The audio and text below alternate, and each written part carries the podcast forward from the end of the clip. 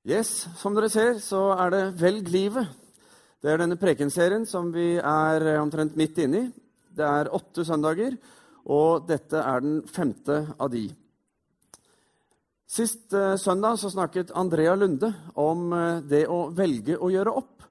Og Dermed så hadde hun et fokus på fortiden, det som har vært.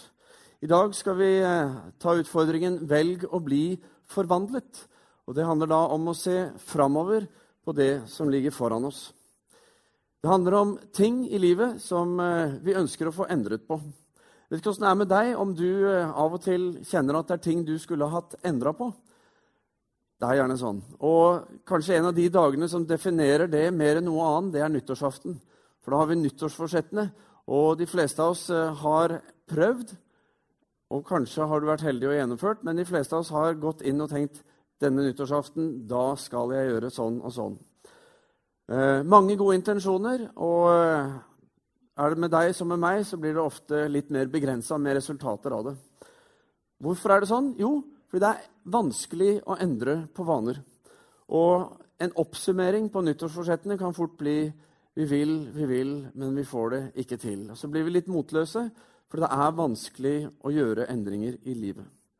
I dag skal vi snakke om eh, hvordan Gud skal forvandle ting i våre liv.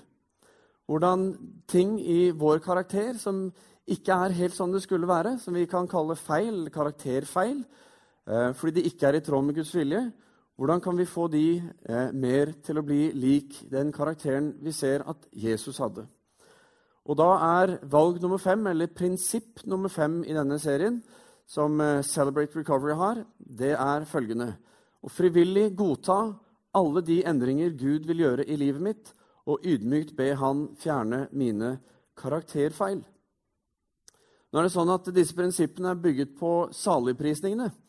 Og I Matteus 5, vers 6, så står det 'Salige er de som hungrer og tørster etter rettferdighet'. Eller sagt på en annen måte lykkelige er de som inderlig ønsker å gjøre Guds vilje.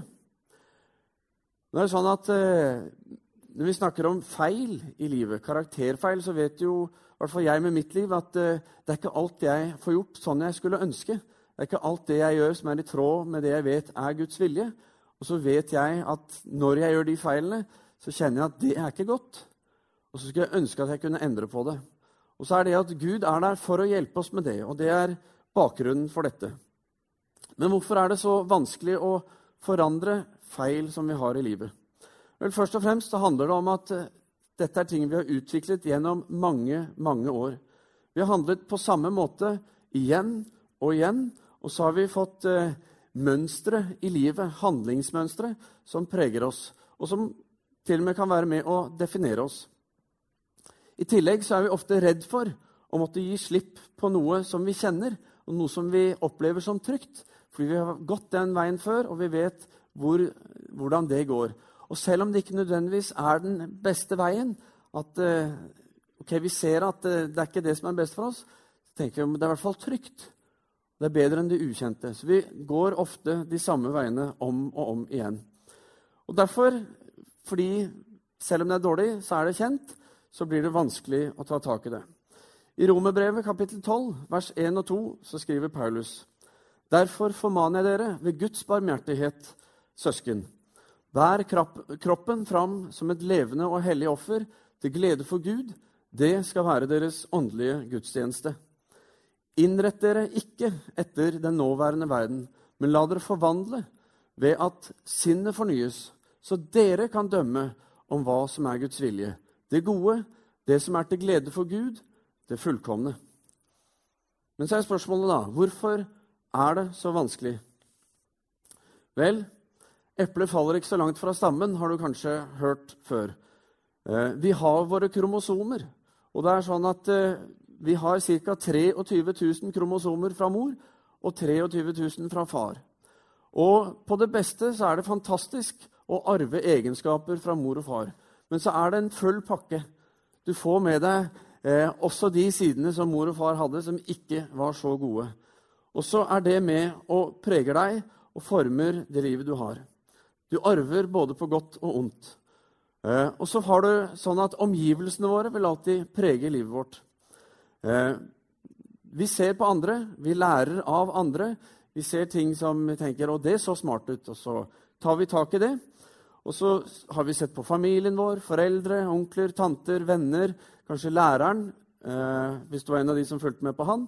Eh, det var ikke jeg, men eh, det kan jo ha sine ting. Men det er i hvert fall sånn at omgivelsene våre de former oss. Og i forhold til omgivelsene våre så finner vi også mønstre i livet. Og i tillegg så er det sånn at du og jeg vi har behov som vi trenger å få dekket. Eh, vi har behov som er legitime. Det handler om kjærlighet, det handler om respekt osv. Og, når vi opplever at vi ikke får dekket disse behovene, så eh, tillater vi oss ofte å ta noen snarveier eller prøve å etterstrebe å få dekket de behovene. Og når vi gjør det, så skjer det ofte at vi tar noen feilsteg, og så begynner vi å skape nye eh, uvaner osv. Og, så og så har vi våre valg. Eh, du og jeg, vi kan ikke, ingen av oss hadde noe med hvem våre foreldre var. Sånn var det den dagen du ble født. Og ikke hadde du noe særlig innflytelse på hvor du vokste opp heller. Sånn var det. Men eh, gjennom hele livet så har vi valg som vi står ansvarlig for. For det er vi som velger, vi som tar valgene. Og der kan vi eh, gå inn og gjøre noe. Og når vi velger å gjøre de samme tingene om og om igjen, så ja, da utvikler vi vaner. Og ikke alltid de vanene er de beste, og da får vi uvaner, og så får vi ofte kanskje problemer igjen av det. Men så er da det store spørsmålet hvorfor er det ikke bare så vanskelig, men hvorfor er det så vanskelig å bli kvitt disse karakterfeilene? Vel, For det første vi har hatt de lenge.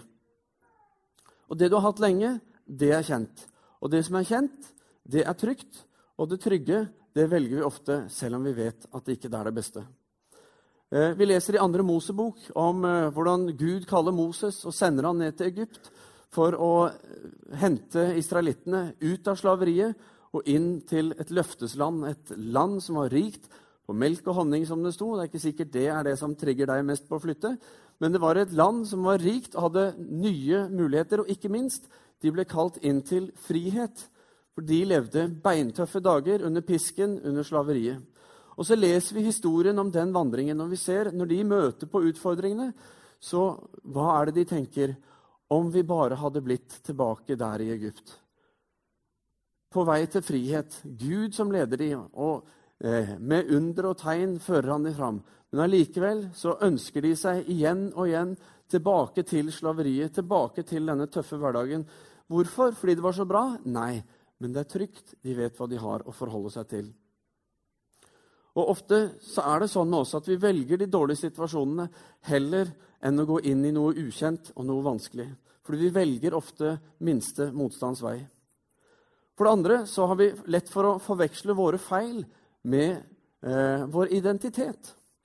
Eh, og vet ikke åssen eh, din eh, tenåringstilværelse var, men for meg så var det ganske opplagt at det var jeg som var familiens sorte får. Ikke fordi eh, mamma eller pappa sa det, men sammenlignet med storebror og lillesøster så, og med de valgene jeg tok, så skjønte vi fort eller ikke om, ja, i hvert fall skjønte jeg fort at der var jeg.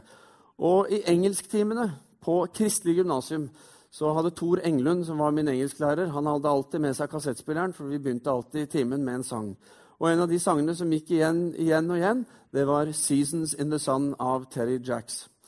Og når vi kom til verset hvor uh, goodbye, goodbye, papa, please pray for me.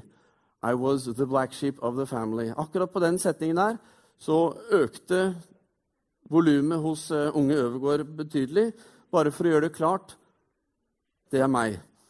Heldigvis for meg så ble ikke det en identitet som uh, jeg ble levende i og beholdt. Jeg fikk lov til å endre det litt etter litt. Det er mye nåde, kan jeg love dere. Kanskje er det typisk deg. Kanskje er du den som er uheldig ofte. Eh, sier de dumme tingene, gjør de dumme tingene. Kanskje er du den som alltid søler når du er på besøk hos noen. Kanskje er du den som alltid sier det som akkurat ikke skulle vært sagt eller hvordan det nå er. Og så har vi så lett for å tenke 'Å, jeg er så klønete. Jeg er så dum. Jeg er så sånn.' Og så forveksler vi disse feilene vi har, med vår identitet. Og fordi vi fokuserer så lett på de tingene vi ikke kan. framfor å snu på det. Bibelen oppfordrer oss til å ha vår identitet i Jesus. Eh, ikke i feilene våre, ikke i manglene våre. For hos Jesus der får vi lov til å være på tross av feilene. Akkurat som Børge sa, det handler ikke om eh, hva du får til, men det handler om hvem du er her og nå. Og det å eh, sette din identitet i Jesus, det er noe som vil oppleves frigjørende, og som vil hjelpe deg steg for steg veien videre. Og så kan vi lære av han, så kan vi dra styrke av han, og så kan vi søke å ligne han. Og slik så får vi endret våre mønstre. Slik så får vi oppleve en gradvis forvandling til noe bedre. Den tredje grunnen til at det kan være så vanskelig, det er fordi at feilene har en gevinst. Feil utvikles nettopp i håpet om å oppnå en gevinst. Eh, enten det er å bli hørt, og her er det mange foreldre som går på limpinnen. Fordi, og jeg er en av de, bare så jeg bekjenner det. Det å bli hørt av barna er jo noe vi fort tenker på som en rettighet jeg som far eller mor har. Barn de skal høre på foreldre. Og fordi det er en rettighet, så er det lett å gjøre det sånn at eh, målet helliger middelet. Så hvordan jeg velger å eh, på en måte sørge for å bli hørt Jeg kan bruke den strenge tonen, jeg kan uh, bruke dårlig samvittighet, jeg kan bruke mange forskjellige lure triks for å få ungene til å høre. Og Det er jo egentlig det samme det, er det ikke det? Poenget er at ungene skal høre på meg. Sånn blir det lett, i hvert fall i hektiske hverdager. Så har vi lett for å trå inn i feil mønstre. For å ta noen andre ting hvorfor stjeler vi når vi stjeler? Hvorfor lyver vi? Hvorfor baksnakker vi andre? Hvorfor velger vi å gå inn og se på pornografi på Internett? Hvorfor eh, velger vi å være utro? Hvorfor velger vi å ikke tilgi? Det er jo fordi det har en gevinst. En kortsiktig ja, langsiktig nei. Men vi opplever at dette hjelper oss her og nå. Derfor velger vi å gjøre disse feilene.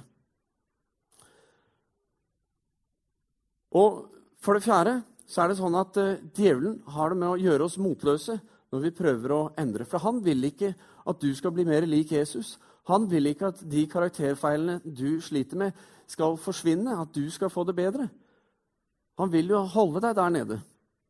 Jeg vet ikke hva han sier til deg, men typisk så vil han si noe sånn som dette. Du kommer aldri til å klare det. Du har ikke det som skal til. Bare glem det. Det er veldig fint. Du ser Andreas, han klarte det, men du kommer ikke til å klare det. Bare glem det. Må nok bare gi opp, du. Eller Og du kaller deg en kristen. Og så gjorde du det nå. Og det har du gjort så mange ganger før. Nå tenker jeg Gud er ganske fornøyd med deg, ja. ikke sant? Og så er det lett å bli motløs, fordi vi ser på hva vi selv gjør, og så tenker vi nei, dette klarer vi ikke, dette orker vi ikke. Og løgn på løgn så kommer da djevelen inn, og så eh, fyller han tankene våre med disse negative tingene. Hvordan endrer vi på det?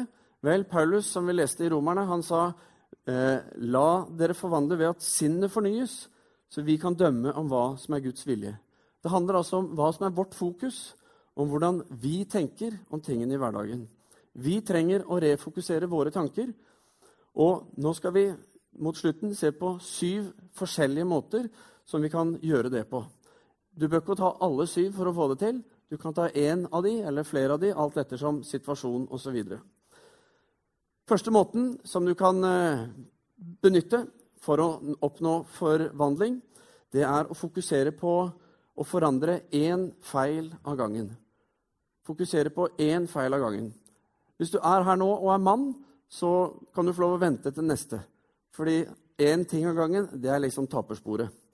En ekte mann han tar alt på en gang eller ingenting. Og som regel så blir det jo dessverre ingenting. Eh, hvordan får vi fikset alt som skal gjøres hjemme? Er du som meg, så er det ikke sånn at du bare går bort og ser på den listen der burde vært malt. Hadde jeg bare sett på den, så kunne jeg bare malt den. Men poenget er jeg ser den, og så vet jeg om gjerdet, og så vet jeg om veggen, det hullet som må sparkles, og så begynner hele lista, og så ser jeg alt, og så tar det i morgen. Ikke sant? Men er du heldig og har en kvinne ved din side, fordi kvinner er eksperter på å se den ene lille. Og det for de som har opplevd Upstad Våde, så forteller de det på en fantastisk måte. Men de er veldig flinke til å fokusere på den ene tingen som må forandres. Og ofte i den der, mellom det der ene og alt, Fordi du er bare opptatt av det ene, men jeg ser jo alt. Jeg ser alt som skal gjøres, jeg. Det er ikke bare den, kan mannen si. Og så man, kan man få litt gnisninger imellom der. Men ofte er kvinnene så gode at uh, vi får gjort den ene tingen takket være dem. Beklager, men, men det er vel sånn det er med oss av og til. Når du prøver å gjøre alt på en gang, så får du som regel ikke gjort noen ting. Eh, det Vi må gjøre, vi må ta én ting av gangen, og så må vi fokusere på den. Og Sånn vi gjør det, som jeg vil anbefale, da, det er jo at, å gå til Gud og spørre Gud hva er det du vil jeg skal ta tak i først. Er det sinnet mitt? Aggresjonen min? Ikke det er det, altså. Er det mangelen min på tilgivelse? Vi kan, vi kan snakke om det, bare jeg slipper å tilgi han du vet om. Eh, er det tiltaksløsheten min? Nei, jeg vet ikke om jeg gidder å begynne med det. Altså, Vi har mange ting. Men å gå til Gud og spørre Gud, hva er det du ønsker å ta tak i først? For Gud er strategisk. Han vet at hvis du får tatt denne tingen først og Det er ikke alltid vi ser det.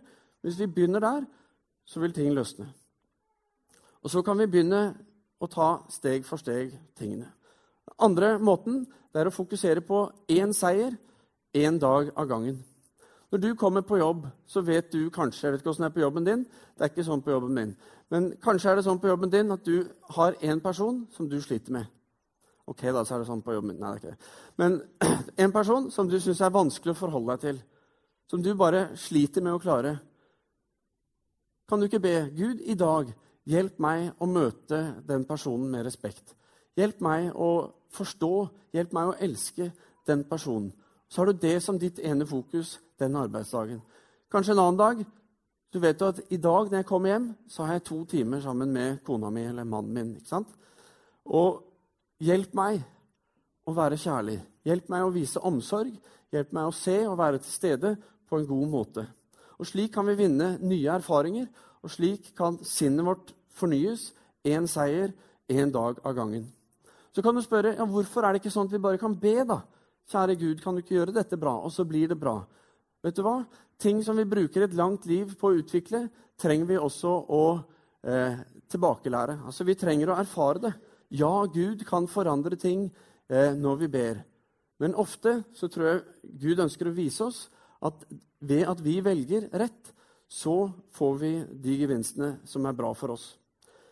Så når du ber om eh, Gud om å gjøre deg mer tålmodig, så er det ikke bare sånn Sitt! Nå er du tålmodig. Men han gir deg anledninger til å være tålmodig. Når du ber Gud om mer mot i din hverdag, så vil Gud gi deg anledninger til å vise mot i hverdagen din. Og eh, når du ber om at forholdet ditt til ektefellen eller forholdet ditt til kollegaen din eller moren din, eller hva det er, når det skal bli bedre? Så det er ikke sånn at Gud bare kommer inn og mm, er alt så koselig og fint, og neste gang dere møtes, er det å, så er alt glemt. Nei, men han gir oss anledninger til å velge å være gode, til å velge å vise kjærlighet, til å velge å si de rette tingene. Og gjennom våre valg forvandles vi, og der hjelper Gud oss med de rette valgene. I Matteus 6, 34, så sier Jesus «Eh, så gjør dere ingen bekymringer for morgendagen. Morgendagen skal bekymre seg for seg selv. Hver dag har nok med sin egen plage. Så ta én dag av gangen. Eller tredje måten fokuser på Guds kraft ikke på din egen viljestyrke. Alle så har vi en porsjon med ting som vi har prøvd å gjøre noe med. Og mange av oss har mislyktes på flere av de. Eh, F.eks. hvis det er vanskelig å komme i gang med trening basert på egen viljestyrke, hvor mye vanskeligere er det ikke da å endre livslange mønstre, uvaner, som vi har, hvis vi skal gjøre det i egen kraft? Vi trenger å legge det i Guds hender. Vi trenger å være ærlige. Vi trenger å velge å tro, og vi trenger å søke hans hjelp og kraft til å overvinne. det. I Filipperne 4, vers 13, så står det Alt makter jeg i Han som gjør meg sterk. Derfor ber vi til Gud. Gud, hjelp meg, for jeg vet at jeg klarer ikke dette alene. Jeg trenger at du hjelper meg gjennom det. Jeg trenger din styrke for å overvinne dette. Fjerde måten fokuser på gode ting. Filipperne 4 og vers 8, denne gangen så står det alt som er sant og edelt, rett og rent, alt som er verdt å elske og akte, alt som er til glede, og alt som fortjener ros, legg vind på det. Hvorfor vil Gud dette? Jo, For det er sånn at alt det som får din oppmerksomhet, det får også deg. På godt og ondt. Alt som får din oppmerksomhet, det får også deg. Så der du retter oppmerksomheten din, det vil du også preges av.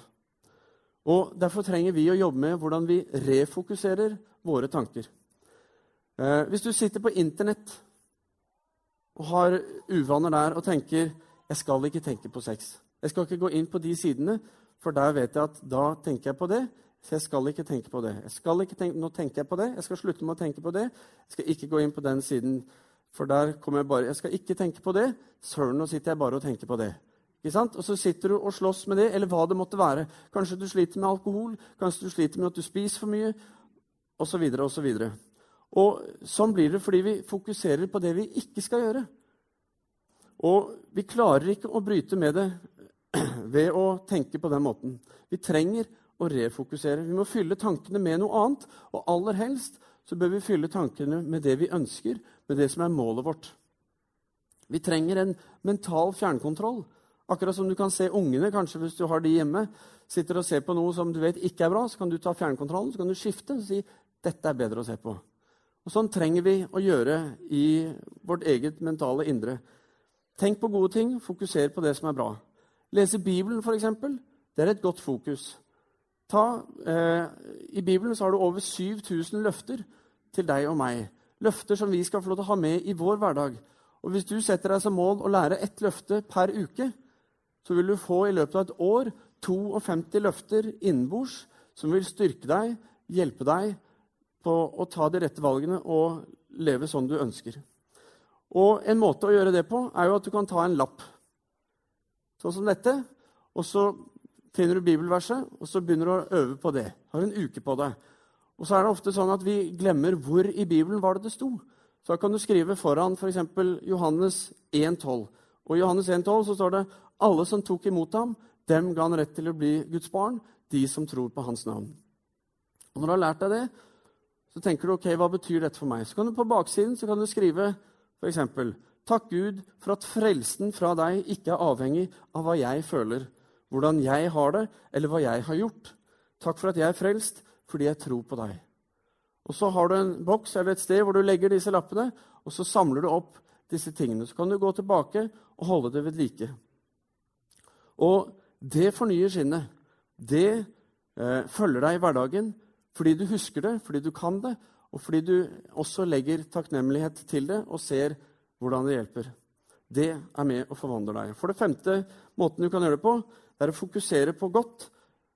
At du skal gjøre godt, ikke at du skal nødvendigvis føle godt. Fordi jeg føler ikke helt at jeg skal gjøre det. Jeg tror ikke det er riktig av meg å gjøre det nå. Jeg tror kanskje det er heller han eller hun som skal gjøre det. Det er mye enklere, er det ikke det? Jo. Så jeg føler det ofte sånn. Eh, kanskje føler jeg det sånn fordi det ville være veldig flaut å, å, være den som gjorde det. Kanskje ville det være en knekk på min eh, stolthet. Eh, men vi kan ikke gå og vente til at vi føler at vi skal gjøre det rette. Vi må velge å gjøre det rette fordi det er det rette. For når vi velger å gjøre det rette, så kommer følelsene etterpå. Når du har gjort det rette, så tenker du Hvorfor i verden gjorde jeg ikke dette for lenge siden? Hvorfor har jeg gått og holdt igjen og holdt igjen og holdt igjen? Og gått og ventet på at dette skulle føles riktig? Men det er når du har gjort det, som regel, at følelsen er der. Så hvordan skal vi da praktisere det? Elsk de som hater deg. Be for de som forfølger deg. Ja, Men det føler jeg jo ikke akkurat for. Og det kommer du antagelig aldri til å føle for heller. Kanskje det du føler mest i den sammenheng, er at det burde ikke stått i Bibelen. Men det står der, og det oppfordrer oss til å velge å gjøre det rette. For det er nemlig sånn at det er handling, det er ikke intensjon, men det er handling som leder oss dit vi vil, som leder oss til de målene som vi setter oss. Vi kan ha de beste intensjoner om at vi skal gjøre så og så med livet. At mennesker skal bli frelst gjennom tjenesten vår i, og det at vi går i kirken. Eh, at, og vi kan ha intensjoner om at eh, vi skal være gode naboer og være gode venner blant våre ikke-kristne venner. og alt det der. Men hvis ikke vi setter handling bak alle disse intensjonene, så ender det med gode intensjoner, og vi kommer ikke så veldig mye lenger. For det er altså handling, ikke intensjonen som leder oss til målene. I Galaterne 6 vers 9 så står det La oss ikke bli trette mens vi gjør det gode. Når tiden er inne, skal vi høste, bare vi ikke gir opp. Sjette måten fokuser på folk som kan hjelpe deg, ikke dem som hindrer deg. I 1. Korinterbrev 15, vers 33 så står det La dere ikke føre vill. Dårlig selskap ødelegger gode vaner. Hvis du sliter med alkohol, da skjønner du at det stedet du går for å kjøpe peanøtter, det er ikke i baren. Det er et dårlig valg. Der er det et dårlig selskap, og der kan du lett havne feil. Sliter du i eh, ekteskapet ditt eller i forholdet ditt, så ikke innled et vennskap med en annen av det motsatte kjønn for å prøve å glatte på dette her og balansere det. Det ender veldig ofte opp feil.